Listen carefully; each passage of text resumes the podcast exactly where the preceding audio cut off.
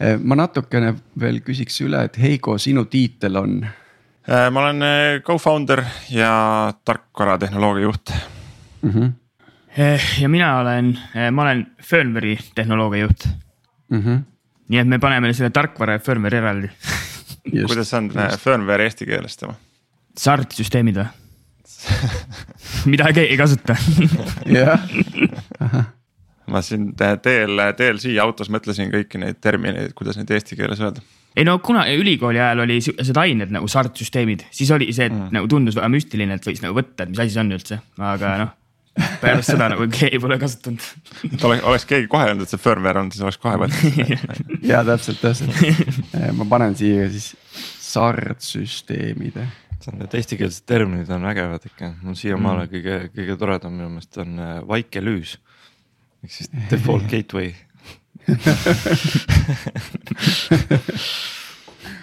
no vot, okei okay., aga siis äh, paneme otsast minema ja, ja siis äh, tulistame puusalt nii palju, kui tuleb.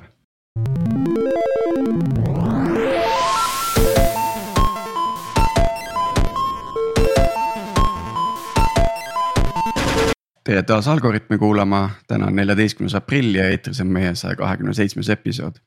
Mina olen Tiit Paananen Veriffist ja koos minuga on saadet vedamas Martin Kapp Pipedrive'ist. ja täna vaatame Go moduuli kööki, uurime välja, et kuidas hoida käigus sadu tuhandeid tuuletõukse.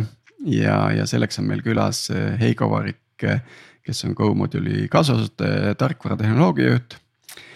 ja Stemo Ojavee kes on siis SART süsteemide ehk siis firmware'i tehnoloogia juht. Et härrased, et tere tulemast Algorütmi ja, ja saame teiega tuttavaks, et äh, rääkige mõni sama sõna oma taustast ja. ja kuidas teie igapäevane töö täna Go moduulis välja näeb. alustame Heigo sinust. Äh, jah, et äh, tere ka minu poolt ähm, ütleme siis, et minu IT-karjäär tegelikult algas circa kümme aastat tagasi juba, kui ma õppisin tänases TalTechis siis soojusenergeetikat. Ja siis ma mäletan, et ma ühes Pealtnägija osas, mida ma üks õhtu vaatasin, seal rääkis esimestest Eestis loodud mobiiliäppidest. ja siis ma mäletan, et üks, üks arendaja seal ütles, et, et keskmine inimene, et kui ta hakkab äh,, hakkab proovima, siis ta tegelikult kahe nädalaga võiks saada oma esimese äpi valmis. ja siis ma mõtlesin, et äh, et proovin, proovin järgi, et challenge accepted. Ja, ja läkski siis äh, mõned nädalad tegelikult mööda ja siis ma oma esimeseks äh, mobiiliäpiks lõin sellise asja nagu äh, rahabossi soundboard mis too aeg tegelikult sai ka huvitaval kombel mingisugust meediakajastust ja, ja sealt, sealt tegelikult mul see huvi, huvi IT-sse nagu tekkis. ja noh, sealt edasi suuresti õppisin, õppisin omal käel nagu Youtube'ist, proovisin erinevaid asju võib-olla läks mingisugune aastake läks mööda, siis ma tegelikult kandideerisin äh, sellisesse ettevõttesse nagu, nagu Mobi Solutions, mis vist täna on siis äh, Mobilab. kuhu ma vist äh, kandideerisin küll jah, mobiiliäppide arendajaks, aga siis pika nurumise peale võeti meid lõpuks testijaks tööle sinna. kus ma siis paar aastat seal paar aastat toimetasin seal, et, ütleme, et esimesed poolteist aastat ma siis jah olin testija seal Äh, aga siis noh, oligi sihuke olukord, kus, kus meil oli vist kolmene Androidi tiim oli, kus mina olin testija ja kaks arendajat ja siis umbes nädalase vahega läksid mõlemad Androidi arendajad minema sealt. ja jäin siis nende projektide peale põhimõtteliselt mina alles ja, ja, ja siis lükatigi meid põhimõtteliselt äh, Äh, käed selja taha kinni seotuna vette, et, et võta need projektid nüüd üle. et, et noh, kuna mul see huvi, huvi arendamise vastu oli nagu oli olemas, siis ma hea meelega võtsin selle vastu. Äh, mõnda aega siis äh, olin seal mobiiliäppide arendaja ja, ja siis tegelikult äh, sain tuttavaks siis selle ülejäänud Comodule'i tiimiga äh, kes siis, kellel oli siis plaan minna Barcelonasse mobiilimessile ühte äh, tehnoloogiat siis äh, ütleme tutvustama, kus oli ka mobiiliäppi vaja. ja siis ma jah liitusin selle Comodule'i tiimiga ja, ja noh, Comodule'is ma olen siis nagu öeldud äh, tarkvaratehnoloogia juht kaheksa aastat oleme nüüd toimetanud ja, ja selle aja jooksul ma olen siis olnud seotud erinevate juppide programmeerimisega ise, et mobiiliäpid, sealt edasi veebi, veebilehed ja, ja ka back-end pilvesüsteemid, eks ja, ja, ja jah, ja siin me nüüd.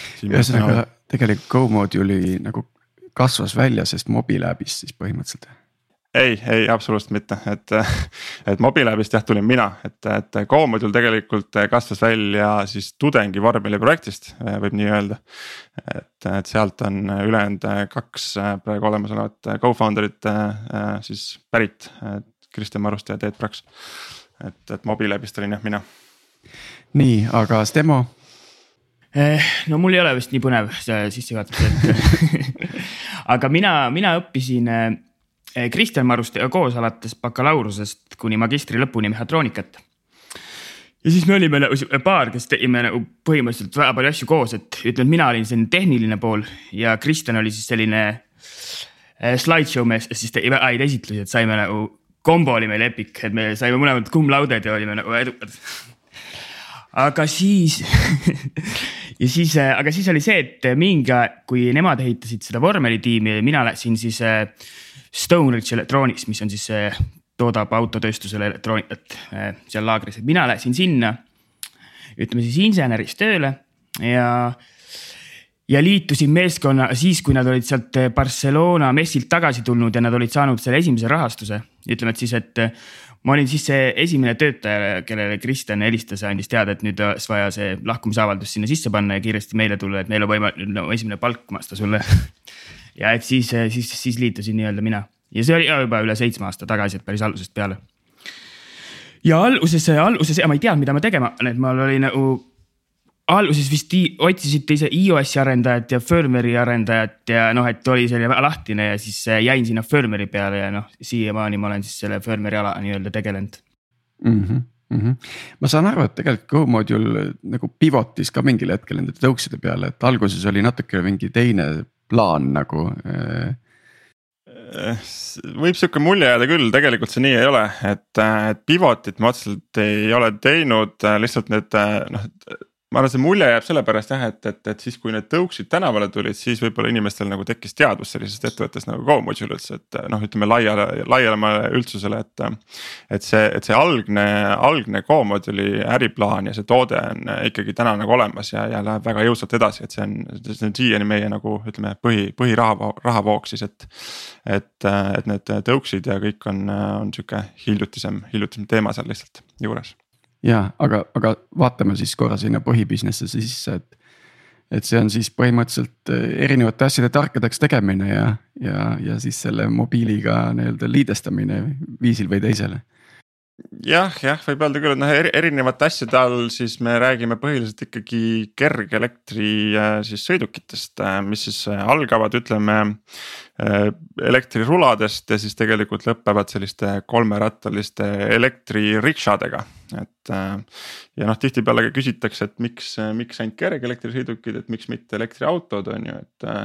et noh, seal üks põhjus on see, et selles noh, kerge, kerge, kergelektriliikurite maailm on noh seal on piisavalt äri, piisavalt tegemist ja, ja, ja ta tegelikult areneb ka täna palju kiiremini, et äh, kui, kui see auto, auto, elektriautode maailm võib-olla mm. -hmm. aga see, see tõuksi äri nagu selle sealt kõrvalt tegemine, et kas see nagu natukene nii-öelda seda fookust laiaks ei vea, et see on nagu. nagu lõpp, lõppkasutaja toode ja, ja sul sellega kaasa tuleb terve rida probleeme lisaks võimalustele, eks ei, kindlasti peab, aga noh, põhiline on just see, et põnev peab olema, et. et, et jah, seda Coom-modulit me tegime siin mitu-mitu aastat järjest, aga et, et siis tiksus natukene igavaks ja, ja noh, eks me loomulikult teadsime, et eks see lõpptarbija äri seal kõrval on öö, oma uute probleemidega, aga samas need kõik probleemid on väga põnevad ei no ja kindlasti see võib-olla lisas, et tegelikult selle kõrval nagu no ütleme, selle äikese ja tuulega on võimalik väga palju asju nagu testida palju efektiivsemalt. et varem oli see, et kui sa lased nagu noh, mingi asja nii-öelda reliisid kliendile, siis ta saab täpselt, mis ta tahtis ja siis on ja asi nagu jääb seisma, aga praegult on see, et nagu ta areneb nagu noh, enda soodus on palju parem võib-olla teha pakkumisi ka teistele klientidele selle põhjal. ja see on väga huvitav selline nagu muster tegelikult, et me siin mõni aeg tagasi tegime, tegime ka ühe ühe ettevõttega, kes arendab pangatarkvara, et. et neil juhuslikult on oma pank nagu nii-öelda olemas, kus nad saavad seal kõrvalt nagu neid asju proovida, eks ju, et. et see, et kuna, kuna samamoodi. pank. Eesti keeles on et ma lõpeta ära lause. ja et samamoodi kuna, kuna nagu pangatarkvara on midagi, mille feedback loop on potentsiaalselt väga-väga pikk, eks ju, et siis, siis neil on seal, seal kõrval võimalik seda, seda piloteerida, et neil on sisuliselt. sisuliselt võiksid homme käivitada panga ja neil on platvorm olemas, on ju, et, et kui nad tahavad väga huvitav. et see hea termin on see dog fooding no, selle kohta ka eesti keeles on, ma just mõtlesin, et, et kuidas noh, sa nagu. ma ei, ma ei ole kuulnud nagu, mis selle, kas sellel on eestikeelne termin või ei ole koeratoit, see ei ole väga hea termin, väga hea tõlge nagu, eks ei ole jah, et koera toitumine ja, ja Skype'il oli ka ju, Skype'i tegelikult ehitati Skype'iga, siis kõik toimus sealsamas. okei okay,, väga äge, tõukse täna tehakse Eestis või? no meie omasid küll jah, et et põhimõtteliselt kõik on Eestis jah mm. -hmm et, et see on ilmselt kuna, kuna siis nii-öelda arhitektuurilises võtmes on ka kogu, kogu nii-öelda ahel teie käes, et see annab nagu sellise lisavõimaluse nagu optimeerida siin ja seal, et. nojah, see annab optimeerida nagu ja see annab tegelikult nagu just ütleme nagu mina kui Firmware esindaja, et see annab nagu väga lihtsustab sul nende igast nende uuenduste sisseviimist kiiresti tootmisesse, et muidu on see, et neid, ütleme neid firmware update'e ja uuendusi on, ütleme suhteliselt keeruline teha igale poole, et noh, et mõni sõidu saab seal, mõni on online'is, mõni ei ole, ütleme palju keerulisem, et.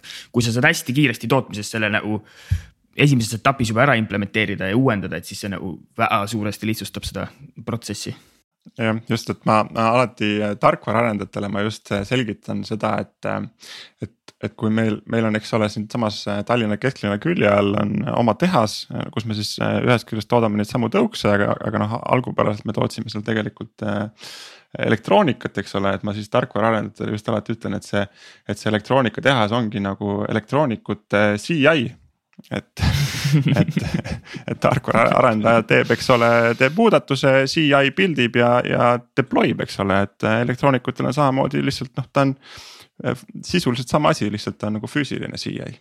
kas te siis trükite nagu oma, oma nagu mikroskeeme kohe nagu siinsamas kohapeal või? Äh, seda tegelikult mitte, et äh, see, see, ütleme, see PCB põhi ikka on tellitud, aga SMD liinid on meil küll, et kõik komponendid, kõik asjad tulevad koha peal peale.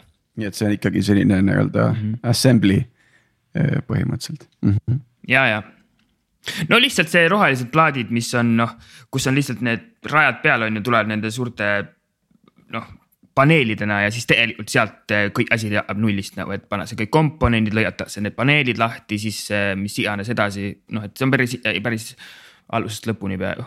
mis ilmselt tagab ka võimaluse seda kvaliteeti nagu, see koostöö kvaliteeti nagu jälgida, et eh, mitte ei ole nii, nagu siin hiljuti avastasin, et Teslal kipuvad need küljekaamerad nagu nende plaatide pealt lahti tulema, et, et siis kaob ära see, see auto, auto steering jääb, aga autopilot capability kaob põhimõtteliselt ära, mida niikuinii Eestis ei ole, aga okei okay,, okei okay.. ühesõnaga pidi olema mingi tüüpviga.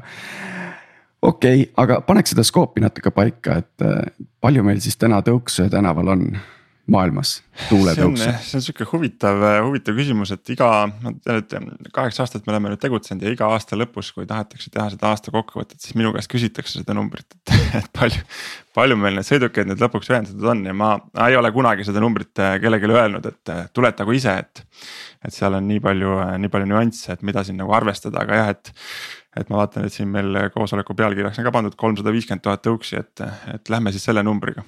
umbes, umbes sinna suurusjärku, ma arvan, see jääb ja tegelikult eh, siin on vaja kindlasti täpsustada, et noh, et see sõna tõuks on nagu noh, väga mitte tõsi, et tegelikult on paljud on noh rattad ja muud asjad, et neid tõukse iseenesest noh, ei ole nii palju kindlasti kui aga jah. ja, ja nii, et ütleme laias laastus kolmsada viiskümmend tuhat äh, kergliiklus, elektri kergliiklusvahendit on tehtud targaks, eks ju. ja, ja väga äge. see ja, ja see tiim ise, äh, kes seda arendab, kui palju seal inimesi on? Ähm, no ütleme, ettevõte nüüd ise kokku on äh, circa vist sada viiskümmend inimest. Ähm, ja ja kuidas need inimesed jagunevad, siis ütleme veel võib-olla aasta aega tagasi, kuidas ma seda selgitasin, oli see, et et ettevõte jaguneb siis ütleme fifty-fifty ehk siis pooleks, et pooled on, ütleme inseneride, pooled on siis kõik ülejäänud inimesed. ja kui võtta need insenerid, eks ole, siis need jagunevad siis kõikide meie erinevate tehnoloogiate vahel, et. et laias laastus on meil neli erinevat sellist tehnoloogia tüüpi, et on äh, mehaanika, elektroonika, startsüsteemid ja, ja siis tarkvara ehk siis et, et umbes, umbes nii see jaotus on, et noh, ja konkreetselt siis jah, tarkvara tiimis ehk siis minu tiimis ongi siis üksteist inimest koos minuga. ja ma ei tea, Stemo, kuidas sul? no minul on sama vist umbes, et mul on kümme või üksteist ka inimest, aga noh, meie inimesed on nagu natukene rohkem jaotunud, et. et meil on löödud see nagu see tool ja siis see Go-moodul see core IoT on löödud kaheks, et osad inimesed on seal ühes tiimis ja osad inimesed on teises tiimis. nii et see kümme inimest on nagu kaheks jaotatud jah, jah, ja no tarkvaras ju tegelikult samamoodi, et, et noh, tarkvara on tegelikult ka hästi lai mõiste, eks ole, et ja noh, nagu ma siin alguses ütlesin, et meil see tarkvara stack tegelikult koosneb äh, nii mobiiliäppidest kui, kui veebi, veebirakendustest kui back-end'ist ja noh, mobiiliäpid veel omakorda tegelikult, et me teeme. teeme nii äh, iOS-i kui Androidi native'it äh, ja need tool, tool näiteks on tehtud React Native'is, eks, et, et meil on ikkagi suures osas on ikkagi sellised äh, soolo, sooloinsenerid, kes, äh, kes siis nagu üksinda toimetavad oma, oma projekti kallal. tahakski võtta nüüd selle tuule nagu, nagu kuna see on kõigile nagu käegakatsutav, hästi arusaadav, eks ju. võtame sealt tõuksi ette, et ja siis võib-olla äh, kataks nagu seda, et, et kuidas see tõuks nagu sinna tänavale saab. et, et ja siis vaatame, mis tänaval toimub ja, ja siis vaatame, mis mõõdikud seal juures on, et, et tuleb tehasest välja, mis, mis edasi toimub tõuksiga? no võib-olla ennem kui ta sealt tehasest välja tuleb, on seal nagu hästi palju neid erinevaid etappe, et ütleme siis, et see Go-mooduli see IoT tiim siis müüb neile selle IoT, mis nad siis võtavad enda tuulesüsteemis üle. ja siis on seal nagu selliseid hulk erinevaid etappe, et on skuutri valideerimine ja siis selle registreerimine siis on veel selle IoT eraldi valideerimine, registreerimine ja siis on veel nagu eraldi nii-öelda siis, kui sa sealt, siis ta on nii-öelda valmis toodetud ja sellised end of line testid on nagu valideeritud. et siis sellest hetkest edasi alles ta liigub sinna tuule nii-öelda alasse, kus siis tuule tuuleinimesed hakkavad selle edasi tegelema, ma ei tea, Heigo, võib-olla sina oskad siit edasi rääkida paremini või, mis siis saama hakkab? No mis nad ikka teevad, pakivad nad äh, elektribussidesse ja viivad, äh, viivad tänavale laiali, eks ole, ja seal nad tiksuvad, et äh, ilmselt olete ka näinud siin miinus kahekümne kraadise pakasega on nad seal õues, et, et teenin-, teenindavad, teenindavad inimesi, viivad neid punktist A punkti B. ja, ja aeg-ajalt, aeg-ajalt on vaja neil lihtsalt akusid vahetada jah, jah, see logistiline mudel, mis, mis, mis nagu ütleb, et sinna peaks viima, et mis seal taustal seal täna kahjuks liiga palju tarkust veel ei ole, et see on, eh, see tarkus elab jah, kõikide nende operaatorite endi peas, et, et, et põhiliselt jah, kuna Eh, noh, kuna, kuna tuul ei ole veel tegelikult eh, ütleme noh, nii laia maailma läinud, et me siin oleme toimetanud eh, Tallinnas, Pärnus, natukene ka väiksemates kohtades, Sauel oleme olnud. et ja, ja tegelikult eelmine nädal vist launch isime nüüd siis ka Riia, et. et jah, et, et ma arvan, et nüüd tõenäoliselt hakkab alles see, see faas, kus me peame hakkama natukene jah, natukene targemini välja mõtlema just neid loogikaid, et, et kuhu neid tõukse viia ja ja kuidas neid akusid vahetada, ehkki, ehkki noh, minu silmis tegelikult konkreetselt äh, see, kuhu sa selle tõuksi alguses viid, ega see tegelikult selles mõttes liiga suurt rolli isegi ei mängi, sellepärast et sellega sa saad ainult selle esimese sõidu kätte kasutaja käest, eks ole, et. et noh, et sa ikkagi, et noh, meil on äh, vist, mida me nagu taga ajame, on see, et üks tõuks teeks päevas vähemalt seitse sõitu, eks ole, noh, et. ja, ja sealt tegelikult tuleksid mängu hoopis sellised asjad, et sa, sa tahad, et see inimene ka sõidaks sellesse kohta, kus kus siis järgmine inimene selle mugavalt võtta saab, eks ole, ja noh. ja selle jaoks on, on noh, Tallinnas olete juba näinud, on, on tänavatele maha joonistatud ka need tõukside parklad siis ja, ja meie noh, vist nagu ka konkurendid pakume siis soodustust neile, kes siis pargivad konkreetselt sinna tõuksi parklasse, et siis saaks tulla kohe järgmine inimene ja selle sealt lihtsasti võtta, eks mis on ka mõistlik, et need tõuksid ei jää niimoodi, ei jää niimoodi üle linna laiali, eks ole, et äh, ma olen siin küll naabertänavas näinud ühte väga nukrat äh, tuulemasinat, mis ootas üks päev, siis sõdas lumi peale, siis ootas kolmas päev. et enne kui ta sealt ära kadus. Jah, aga no las ta ootab, küll tuleb ka see inimene. Aga see on nukker ja, et kui neid nagu jäetakse suvaliselt vedelema, et see, ma arvan, et see parklate no mingisugune märistamine nagu parandab seda asja nagu. see on jah, see, ma arvan. kindlasti aitab ja, ja teistele aitab ka leida, et ütleme niimoodi, et ma ei pea kogu aeg skännima, eks ole, oma seal telefonist, sest et ma võib-olla tean, kus on see rattaparkla koht, eks ole, siis ma lähen vaatan, tõenäoliselt seal ikkagi on, eks. tõenäoliselt äh, see, et neid jah, üldse nagu tänavale niimoodi noh, keset kõnniteed jäetakse, et see on ka selline noh, inimeste mõtlemises kinni on ju, et noh, tegelikult sa võiksid sama hästi ka auto jätta keset teed seisma, eks ole, aga inimesed lihtsalt ei tee seda on ju. aga mõni jätabki. no mõni jätab halb, aga noh, tõukse, tõukse ikkagi kordades rohkem, et ma usun, et see siin ka ikkagi lähiaastatel hakkab nagu paranema, et, et inimesed mõistavad, et ei ole nagu mõtet. ma arvan, et see, see, see, see, et meil on nii-öelda robotid, noh Starshipi robotid, inimesed aitavad neid üle mingite kändude, eks ju. ja, ja kuskil on siis need abandoned tõuksid, eks ju, et see on nagu huvitav uus teema, kus nagu inimene hakkab nagu empaatiat tundma tehnoloogia vastu, eks ju. et sellest no. kujuneb nagu mingisugune entity, mida, mille eest peaks hoolitsema, et. et, et see, see on terve uus peatükk tegelikult, mida me täna õpime nagu ma ei tea, kas te seda videot olete näinud, kus üks äh, Starshipi robot äh, jäi äh, tänavale pargitud tõuksi taha kinni, ei saanud sellest mööda. ja siis ta suhteliselt julmalt lükkas selle tõuksi endale eest ära. Ah ja, ja oli tõesti. Aga, aga nüüd, kui see, see tõuks juba seal tänaval on, eks ju, et mis, mis seal tõuksi sees on ja, ja mis seal, mis seal back-end'is sellel hetkel toimub, kui need, need sõidud ja, ja reserveeringud ja ja stardid ja endid nagu seal eh, käivad, et eh, vaataks korra sinna sisse ja selle kaudu äkki jõuaks sinna, sinna arhitektuuri poole peale ka et põhimõtteliselt ja, no, inimene vaatab, et on mingisugune aparaat, kus on aku, mootor ja tõenäoliselt on seal mingi mobiiltelefon on ju, see on tema nägemus sellest, eks. jah, jah, just, just jah, aga see on tegelikult väga-väga hea võib-olla analoog, et seal ongi sisuliselt mobiiltelefon sees äh, ilma, ilma siis display'ta on ju. et sellest võib-olla oskab jah Stemo nagu paremini rääkida, aga sisuliselt on kõik needsamad komponendid seal sellel noh IoT-l küljes, eks. nojah, tal on, ta ongi, tal on seal selline väike modem siis, mis siis äh, on kogu aeg interne-, internetti ühendatud üle TCP ja põhimõtteliselt kogu aeg kuulab siis serverist, et kas midagi huvitavat toimub ja siis, eh, kui siis serverist tuleb talle mingisugune käsk, et nüüd tuleb midagi teha, et siis ta nagu eh, ütleme, äratab seal need tõukeratta teised komponendid üles, et seal on päris mitu komponenti, et üks on see IoT, mis vastutab connectivity eest. siis seal tegelikult on, meie nimetame seda CCU, mis on Central Control Unit, mis siis omakorda suhtleb akupakkidega ja veel suhtleb eraldi noh, tulede, lülitite, selliste asjadega. et see CCU aetas ülesse siis CCU tahab öelda põhimõtteliselt mootorikontrollerile, et eh, jõu, et nüüd pead tööle minema ja samal ajal äratab üles ka akud sleep mode'ist. ja põhimõtteliselt, kui kogu see protsess on tehtud, siis ta annab selle tagasiside üle sellesama TCP ühenduse põhimõtteliselt serverile ja siis server põhimõtteliselt eh, tegutseb edasi vastavalt sellele, mida nüüd Heigo võib-olla räägib jah, et äh, ja noh, tegelikult äh, on, ongi, et kui, et see, et see, see tõuksi see tarkus on ikkagi piisavalt tark, et. et kui ta seal tänaval niisama seisab, ega siis serveris midagi ei toimugi, eks ole, et siis läheb see tõuks äh, magama, tal on küll jah internetiühendus olemas ja server ka teab seda, et sihuke tõuks kuskil lume all on, eks ole. ja, ja kui ma tahan, et siis ma saan temaga ühendust, aga ega seal väga palju rohkemat ei toimu, eks.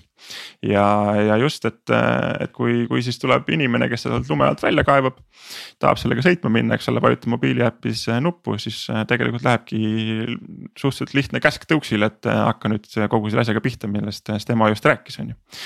ja, ja siis, siis hakkab ka tõuks aktiivselt siis telemeetria infot saatma tagasi siis serverisse, kus siis server seda parsib ja hoiustab ja, ja hiljem saab siis kasutajale mobiiliäpis näidata, kus ta siis täpselt sõitis ja, ja kuidas see sõit läks et võimalikult suure osa ajast üritatakse seda IoT-d ja kogu muud elektroonikat siis hoida sellises nagu noh, nagu sleep mode'is nagu ta nii-öelda võib öelda ja võimalikult vähe siis datat saata, et siis ütleme, need telekomi arved oleksid ja data mahud oleks võimalikult väiksed.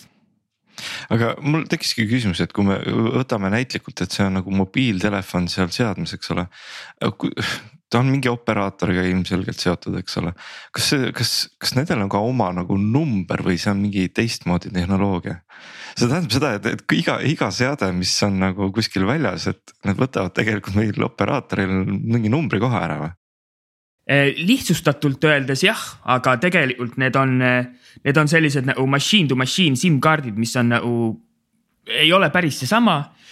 aga neil on oma number ja, ja tegelikult on neil isegi võimalik SMS-i saata ja selle on meil kõvasti nalja juhtunud, aga et, et ma võin nagu noh, teoorias oma telefoni neile saata ka, et davai, mine tööle jah, et mulle sellega tulebki meelde üks, üks seik noh, nagu tema ütleski, et ta võib ka oma telefoniga saata neile SMS-e, eks ole, et meil on äh, nendes äh, selles IoT-s on ka siis telefoninumbrite siis whitelist, et kes neile võivad SMS-e saata, eks ole, ja noh. Üks neist ongi siis tema isiklik telefon.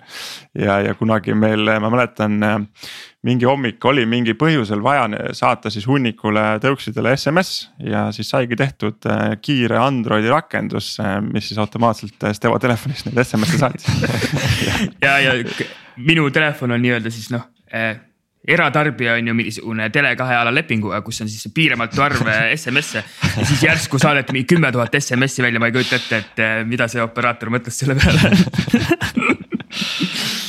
aga see, see on tore, et nagu eh, kas te, kas see kõnelogi jääb ka kuskile, et kui palju telemarketerid üritavad helistada näiteks et äh, see suva numbri peale sellel teemal tegelikult oleks võib-olla üks järgmine seik rääkida, mis juhtus umbes äh, võib-olla kolm-neli aastat tagasi Poolas meil. Äh, üks, üks intsident, mida me ise sisemiselt nimetame Äh, nimetame Polish äh, bloodbath'iks ehk siis Poola veresaunaks kus, kus, äh, kus juhtus tegelikult selline olukord, kus meil olid kahes Poola linnas olid ühel operaatoril siis noh, mõlemas linnas umbes ütleme tuhat tõukeratast tänaval. üks linn oli Wroclaw ja, ja ühel hetkel kogu see Wroclawi siis tõukside armee põhimõtteliselt kukkus võrgust välja ja, ja noh, sellistel hetkedel on alati noh, kõige, kõige lihtsam on äh, hakata süüdistama siis äh, võrguühendust, eks ole, kui sul üks konkreetne, konkreetne linn nagu, äh, nagu välja kukub, aga, aga noh, siis see operaator, noh võrguoperaator ei osanud ka nagu midagi öelda, et, et see kõik nagu peaks toimima, eks. ja, ja noh, siis ei jäänudki nagu muud üle, et pakkisime ühe inseneril kotid kokku ja saatsime ta Poola poole teele, et ta pidi siis läbi, läbi Varssavi sinna Wroclawisse lendama, et siis, et siis äkki suudab välja selgitada, mis seal siis toimub, on ju. ja, ja kui ta oli siis äh, noh tunni aja pärast pidi maanduma siis äh, Varssavis, et sealt Wroclawisse edasi lennata, siis tegelikult kukkus ka Varssavis needsamad tuhat tõuksi äh, võrgust välja, eks ole. Ja, ja, ja, ja lõpus, mis, mis me siis välja selgitasime, mis seal siis juhtus, oli see, et, et, et Poolas oli torm ja torm liikus üle Poola ja Poolas on selline süsteem, et on tormihoiatuse SMS-id ja, ja probleemiks oligi siis see, et, et meie tõuksidele saadeti needsamad tormihoiatuse SMS-id, mille peale nad siis mingil põhjusel kokku, kokku jooksid, et see oli, see oli suur nagu tarkvara fail jah, et see SMS oli poolakeelne ja hästi pikk, et ta oli nagu ütleme pikem kui see SMS-i standard, mis on tavaline. ja põhimõtteliselt seal toimus siis mingisugune äh, noh, stack overflow, tegi reset'i, tuli üles vaata, so mul on SMS, saan seda hand ima, oi, see on liiga pikk reset ja oli Infinity Loop. päris, ja mitte midagi teha. kõva tagasikutsumise event aga kuidas te selle lahendasite lõpuks? Eh, see oli jah, päris eh, kole, eh, aga asendasime moodulid jah, et sisuliselt samal ajal, kui hakkas, istus meie insener lennuki peale, startis ka siis Tallinnast üks vist Volvo V70, mis oli katuseni neid mooduleid täis pakitud, et, et neid siis seal kohapeal asendada ja siis noh, see läkski paar-kolm päeva olid need moodulid asendatud, et. et tõuksid sõitsid edasi ja kõige hullem oli see, et see torm liikus tegelikult eh, Poolast Leedu poole ja siis Läti poole ja me teadsime, et eh, ei kujuta ette, mis seal Leedus juhtuma hakkab või Lätis aga jumal tänatud, et eh, sama asi juhtus Leedus, Lätis ka, aga seal see SMS-i ütleme, see pikkus oli palju väiksem ja tegelikult ei juhtunud nagu ei olnud probleeme, aga et noh. täiesti ootamatud asjad nagu olid tol hetkel jah õpetab jälle progemist vaata, et kuidas ikka handle ida exception eid on ju. ja aga mina, mina ütleks, et kui meil selliseid probleeme ei tekiks, et siis, siis olekski nagu juba igav. et, et jumal, jumal tänatud selliste asjade eest. ja veel vaataks sinna, sinna back-end'i, et, et kui palju nüüd seal neid, mind huvitavad natuke need meetrikad, mida te sealt kogute, eks ju, et võib-olla selline instrumentation data ja, ja, ja ja, ja, ja mis seal nagu seal siis päriselt toimub, et noh, suur, suured komponendid, eks ju, üks on nagu selline nagu billing kui selline, eks ju, mingi kasutaja registreerimine, selle sessiooniga sidumine, eks ju. mis ma veel seal, siis on kogu see location data on ju, et selle handle imine, et mis, mis komponentidest see back-end nagu koosneb? oh jah, noh äh, mina olen äh, suur fänn erinevatel abstraction layer itel, eks ja noh, siin äh,. Siin ongi loodud siis äh, nagu ka Stemo mainis seda co-module'i core tehnoloogiat, eks ole, et siis samamoodi on ka tegelikult back-end'is see co-module'i core, mis siis äh,. mis siis hoolitsebki äh, selle eest, et äh,, et et noh, jah, et kui mooduli ja serveri vahel on TCP ühendus, eks ole, et siis, et siis. et tuulesüsteemile tekiks lihtne JSON API, kus kaudu siis saada ligi sellele. Sellele tõuksi infole, eks ole, et, et sisuliselt jah, et tuulesüsteemi jaoks ongi hästi lihtne JSON API, kust lihtsalt küsida igal ajahetkel, et kus see tõuks nüüd parasjagu asub, mis on tema akuprotsent ja nii edasi, eks, et et, et, et, et jah, see on kogu selle asja, ütleme põhi ja noh, kus, kus on ka võib-olla ütleme. et selles põhjas ongi see, ütleme kõige suurem keerukus, et see on koht, kus ma olen pidanud natukene aru saama, mis asi on bitt ja mis asi on byte, et. et see, ma küll noh bit'i ja byte'i suur fänn ei ole, aga jah, kahjuks ma olen pidanud selle endale selgeks tegema, et seda datat sealt. et neid andmeid sealt parsida, et, et aga jah, et, et kõik süsteemid, mis me sinna juba peale ehitame, et, et nende jaoks enam ei oleks oluline, mis asi on bitt ja byte, et, et nemad lihtsalt töötavad siis JSON-is ja noh, ja noh, sealt edasi, ka sealt ma arvan, et on juba edasi nagu iga teise rakenduse ehitamine, noh, sa tõid välja billing'u, et selle jaoks on omad komponendid ja, ja, ja jällegi, et ma, ma isiklikult olen ka väga noh, väga ei viitsi nagu sellist ütleme low level koodi kirjutada, et mulle alati meeldib ennem kui midagi tegema hakata, kaks päeva guugeldada, et äkki saab kuskilt olemasoleva jupi, et. et, et noh, tuule puhul konkreetselt kasutame näiteks hästi palju Firebase'i, Firebase'i teenuseid et, et kasutaja äh, authentication'ite haldus on Firebase'is ja, ja seal on hästi mugav on, eks ole, see. Äh, Firebase'i Firestore, mis võimaldab selliseid real-time rakendusi teha, eks kas on sellised konkreetsed meetrikad, mida välja tuua, et noh, ütleme see esimene sain jutu käigus kätte, et seitse sõitu päevas võiks olla eesmärk, eks ju, et. et noh, mu lõplik küsimus on loomulikult muidugi see, et palju see üks sõit siis maksab tegelikult, tegelikult on ju aga, aga vaataks neid vahepealseid meetrikaid ka, et. jah, et ähm, ma arvan, et ma isegi, kui sa lõpuks mult küsid, et palju see üks sõit maksab ja ma ausalt ei ole seda mitte kunagi välja, välja arvutanud, et. Et me oleme küll, mida me oleme arvutanud, on äh, co-mooduli süsteemi puhul, et, et kui palju maksab äh, ühe siis IoT mooduli ülevalhoidmine kuus on ju, et noh, see jääb sinna äh, ütleme sentidesse ikkagi, eurosentidesse siis, et et, et jah, et see noh, see on üks minu sihuke isiklik äh, huvi on just sedasama, seda, seda konkreetset kulu nagu võimalikult madalal hoida, et. Et ja see, selle nimel me teeme palju tööd, eks, et. aga, aga need muud meetrikad, mis nagu seda, seda tarkvara käitumist ja ka kasutajate käitumist nagu iseloomustavad.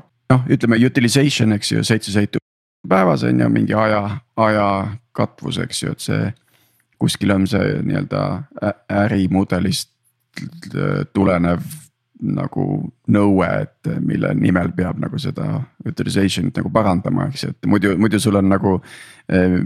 kümme miljonit vedeleb tänaval, et noh, see ei ole väga hea ärimudel on ju et eks, eks loomulikult on igasugused eh, siis eh, latency'd, mida me, mida me mõõdame, on ju noh, et eh, võtta konkreetne näide, eks ole, et kui sa kui sa tõuksi sõidu lõpetad, siis sina vajutad telefonist stop nuppu, eks ole, ja, ja, ja noh praegusel hetkel tuleb see vastus sulle serverist tagasi seal ütleme saja, kahesaja millisekundi jooksul tegelikult, aga noh, et see kõik, mis seal taustal toimub, ongi, eks, et.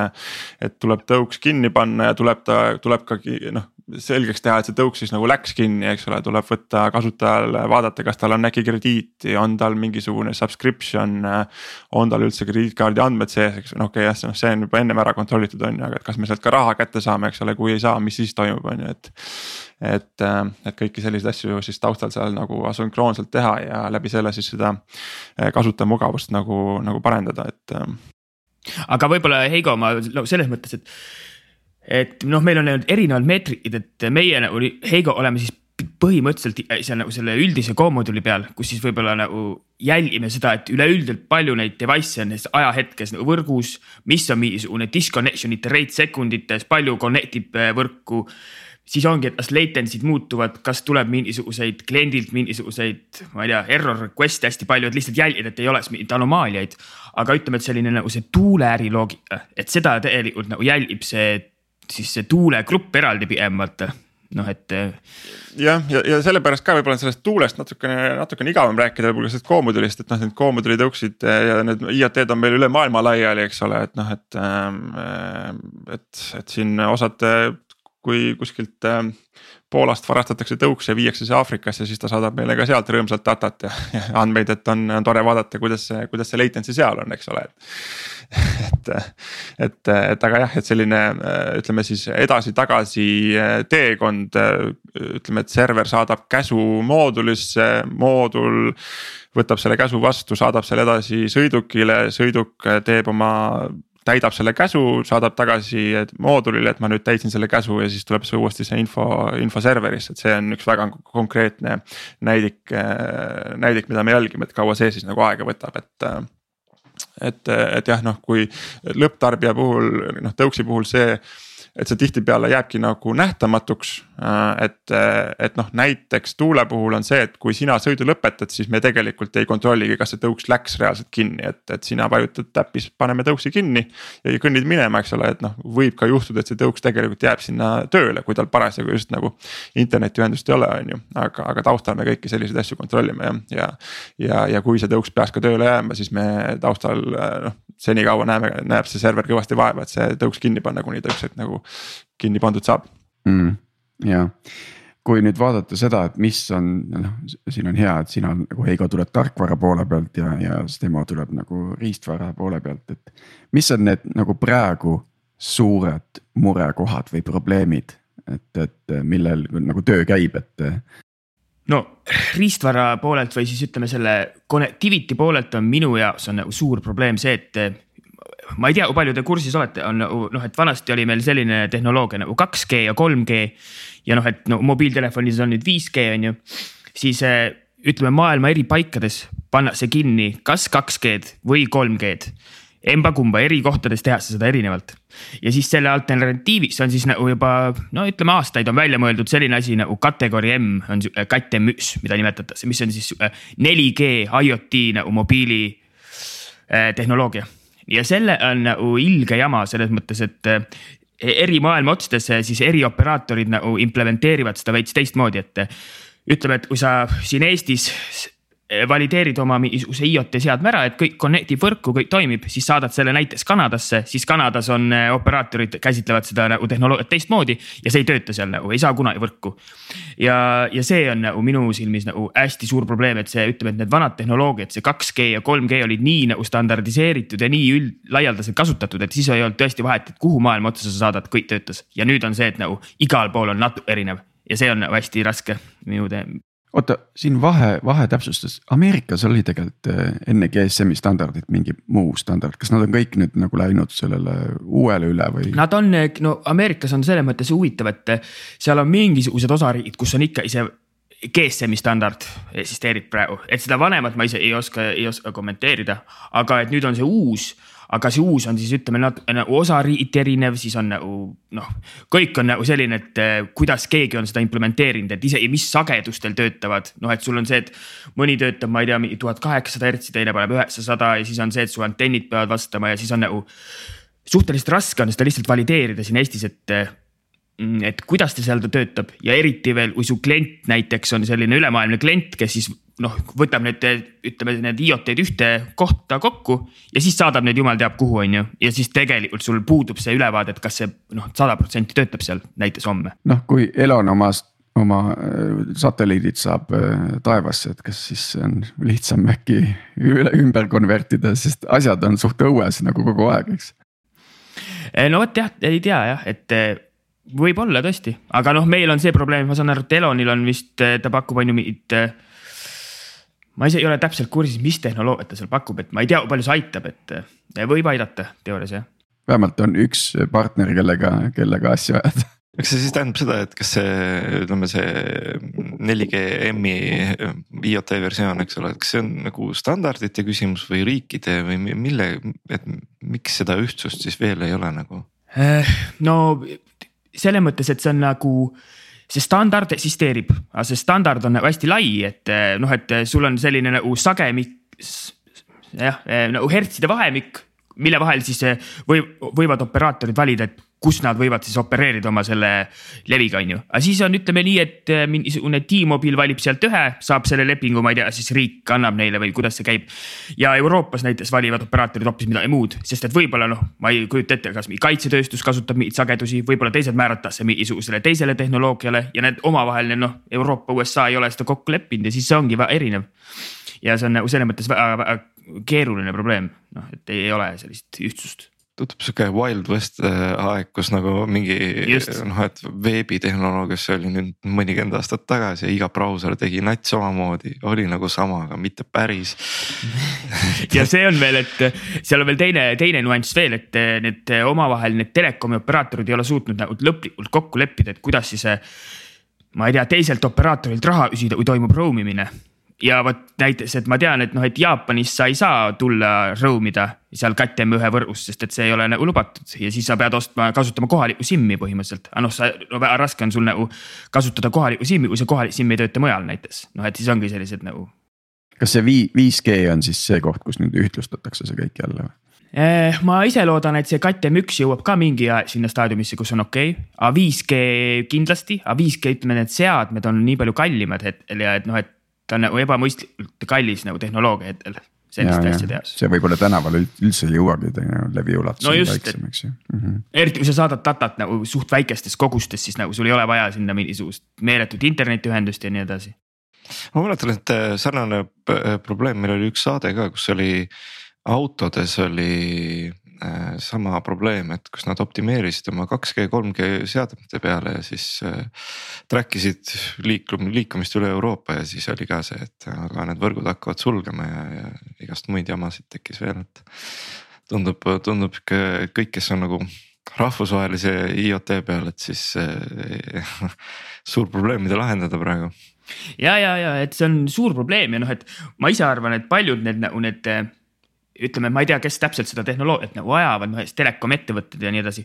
et seda tehnoloogiat nagu ma arvan, mõeldi pigem sellistele smart meetrikutele ja mingitele veemõõtjatele, vaata, kus sa nagu paned oma SIM-i, sa tead, see siin töötab, on ju, kõik on okei okay,, aga mitte sellistele liikuvatele asjadele, mis siis nagu võib-olla vahetavad riigipiire ja mm -hmm. just, just äkki siin on veel oodata ühte generatsiooni tõenäoliselt, siis mm -hmm. ega see ei ole esimene kord, kui seadmed liiguvad ühest riigist teise või ühelt planeedilt teisele, aga okei okay.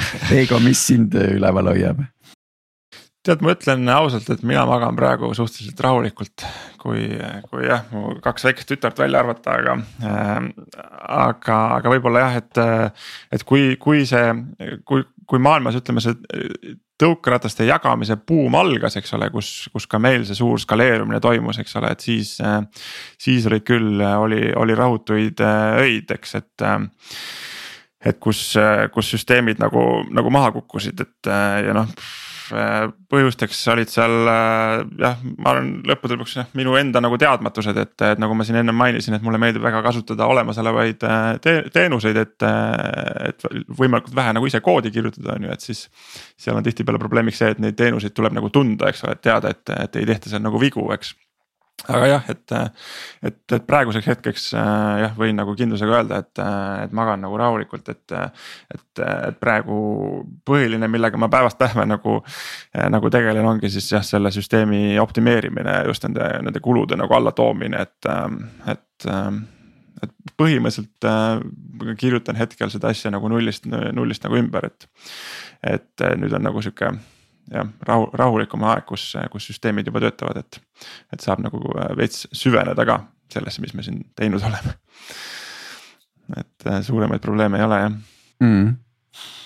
natukene võiks vaadata siin tulevikku ka, et äh, enne kui planeetide vahelise teemani jõuame, et, et aga, aga äh, kuhu see nii-öelda real time mobile IoT nagu läheb, et mis on see me ju tegelikult ei osanud võib-olla, ma ei tea mm, viis aastat tagasi, me ei osanud ette näha, et meil need tõuksid ja robotid nagu tänaval vuravad, on ju.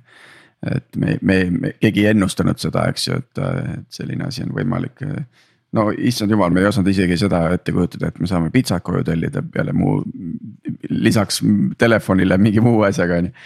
et, et aga nüüd, kui nüüd spekuleerida, et, et mis see mobile real time järgmine rakendusvaldkond võiks äh, olla? no ma arvan, et millega me tegelikult demoga oleme ka seotud olnud, on, eks ole isesõitvad bussid näiteks. meil oli siin TTÜ-ga vahepeal arutasime, et kuna seal arendatakse isesõitvaid busse, eks ole, et, et siis tegelikult need Äh, see buss ja tõuks võiksid ka omavahel, eks ole, suhelda, on ju, et. Äh, et ma ei mäleta, mis need use case'id seal täpselt olid, aga noh, et, äh, et üks asi on, et, et vältida kokkupõrkeid võib-olla tõukside ja, ja isesõitvate busside vahel on ja teine asi oleks see, et.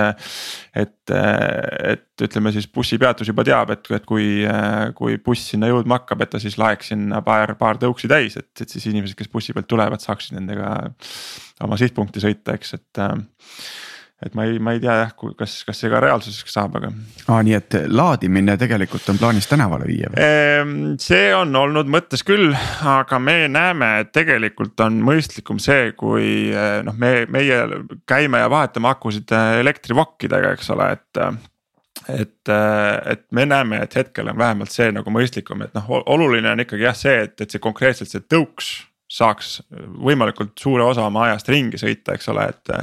et seda tõuksi kuskile, kuskile laadima jätta tänavale ei ole nagu pointi, eks ole, et noh, võib-olla selle alternatiiv on jah see, et sul on mingisugused ütleme siis akude kapid tänaval, kus siis see kasutaja ise saab selle aku võtta ja, ja sinna tõuksi selle värske aku panna, eks ole, see on läbi käinud. aga, aga noh, ma arvan, et see nõuab juba väga palju sellist noh, ongi lõpptarbijate nagu ümberkoolitamist on ju ja. ja tõesti ei ole nagu probleemi sellel ähm, tudengil selle VOK-iga mööda linna ringi sõita ja neid akusid vahetada, et, et praegu on jah, see, ma näen kõige optimaalsem. nii et, nii et ütleme erinevate sõidukate kategooriate omavaheline suhtlus ja, ja mingisugune koostöö, mis siis seda kasutajat kuidagi nagu aitaks, on potentsiaalne. no sellest vähemalt, see on suund, millest räägitakse vähemalt või noh, et mingid inimesed tegelevad selle juba noh, et, et. ja mis võib-olla isegi tundub nagu mingis perspektiivis kasulik on jah.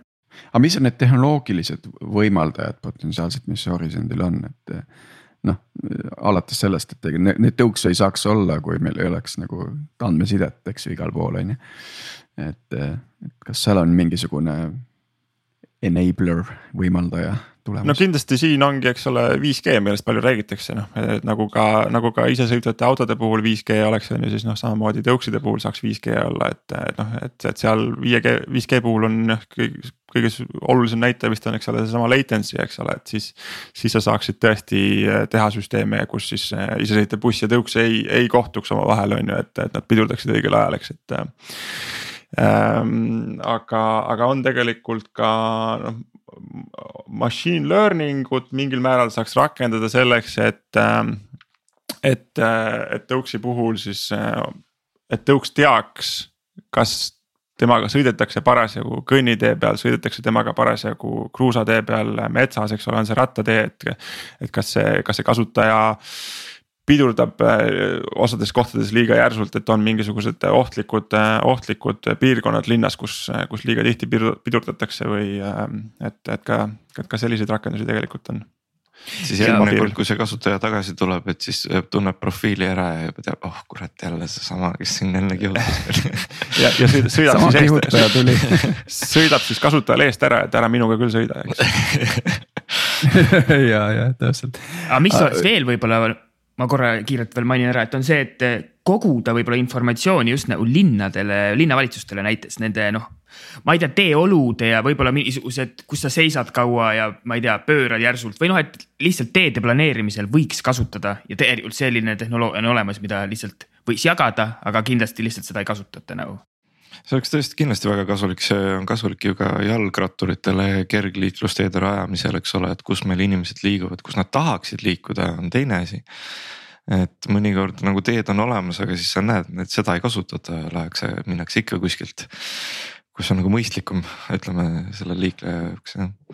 aga tegelikult see, see, see, see sidumine teiste transpordivahenditega tõesti nagu tõi mõttesse, et see ju noh, see suur rohepööre võib siin küll veel tulla selles mõttes, et kui on nagu teada, et äh, rongid tulevad kuskilt seal ootavad juba ees, eks ole, kasutaja saab rongist teate, saab bronnida juba ette ära, et oh, ma kohe varsti jõuan, tahaks ühte tõuksi.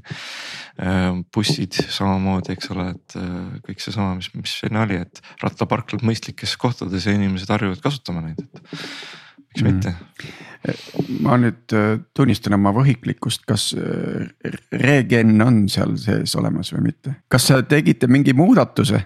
seepärast, et eelmine aasta oli, regen oli tugevam seal on tehtud mitmeid muudatusi, ütleme, et see regen sul tegelikult seda akut, ma ei tea, kaua sa pead siis mäest alla veerema, et see sul täis laes et, et see on nii noh, väike osa, et pigem see põhieesmärk on seda pidurdusenergiat kuhugi panna pidurdamise ajal nii-öelda või noh, et seal on nagu muu eesmärk, aga noh, see laadimine ka mingis mõttes väike.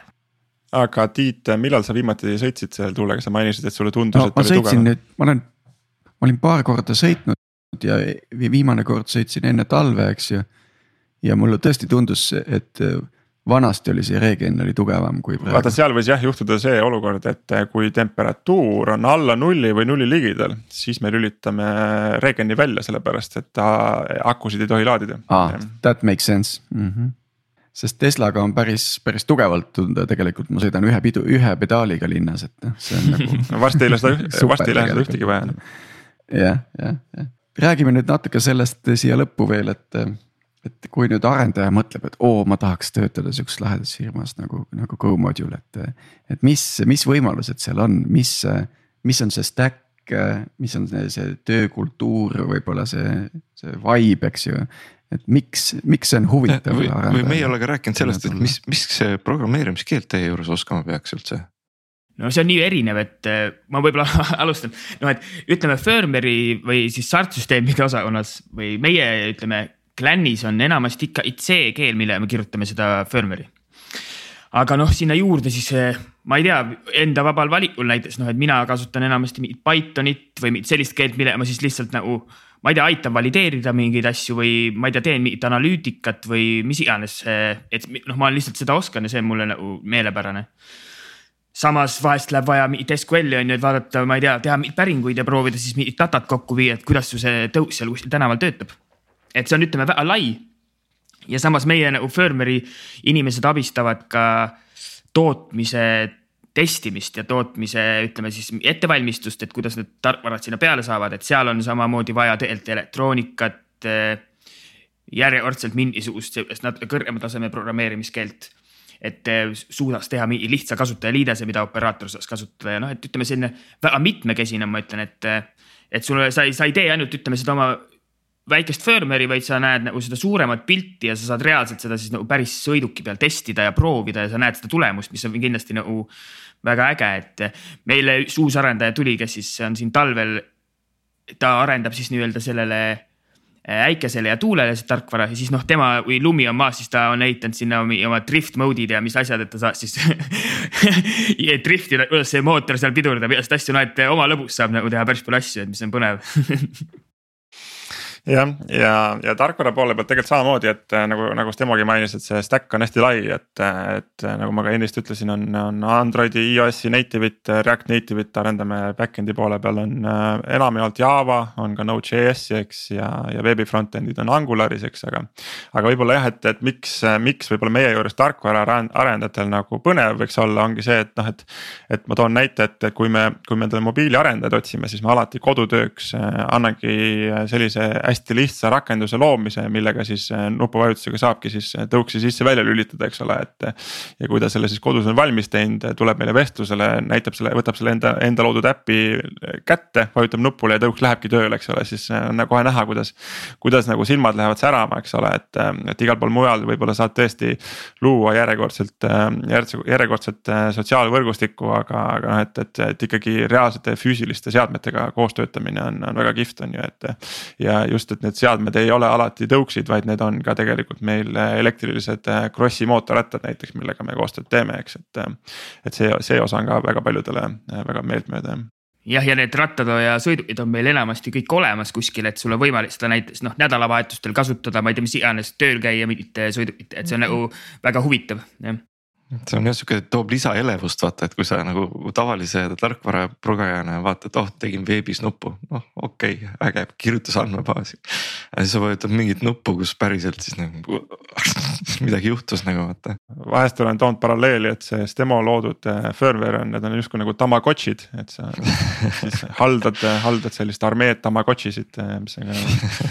saadad neile käske ja siis nad täidavad neid ja vaatad, et osad ei täida ära ja siis sa saad pahaseks nende peale et, et see on ka omamoodi, omamoodi põnev jah. no tore, aga äh, võib-olla ongi hea koht äh, nende Tamagotšidega ise, ise tänaval proovida sõita ja viia neid huvitavatesse kohtadesse, kuhu on need lubatud siis viia, et. et, et äh, paugutame edasi ja, ja ja, ja aitäh, ma isiklikult olen väga tänulik, sest Tool on mu lemmiktõuks nagu, nagu alati valin selle, see on minu personaalne valik, eks ju. ta on, ta on tõesti kuidagi mugav. ta on sihuke robustsem kui siin võib-olla mõnel teisel konkurendil ja ma pean sama ütlema, et kui noh, suured inimesed sinna peale astuvad, siis on kohe mõnus sõita. ja et täpselt, see on nagu mehe, meeste jaoks ka nagu tehtud, et laste, laste, laste asi. Et, et aitäh selle eest ja aitäh saateles osalemast ja, ja aitäh kõigile kuulajatele, et kuulamiseni siis juba järgmisel nädalal ja, ja siis uutel teemadel.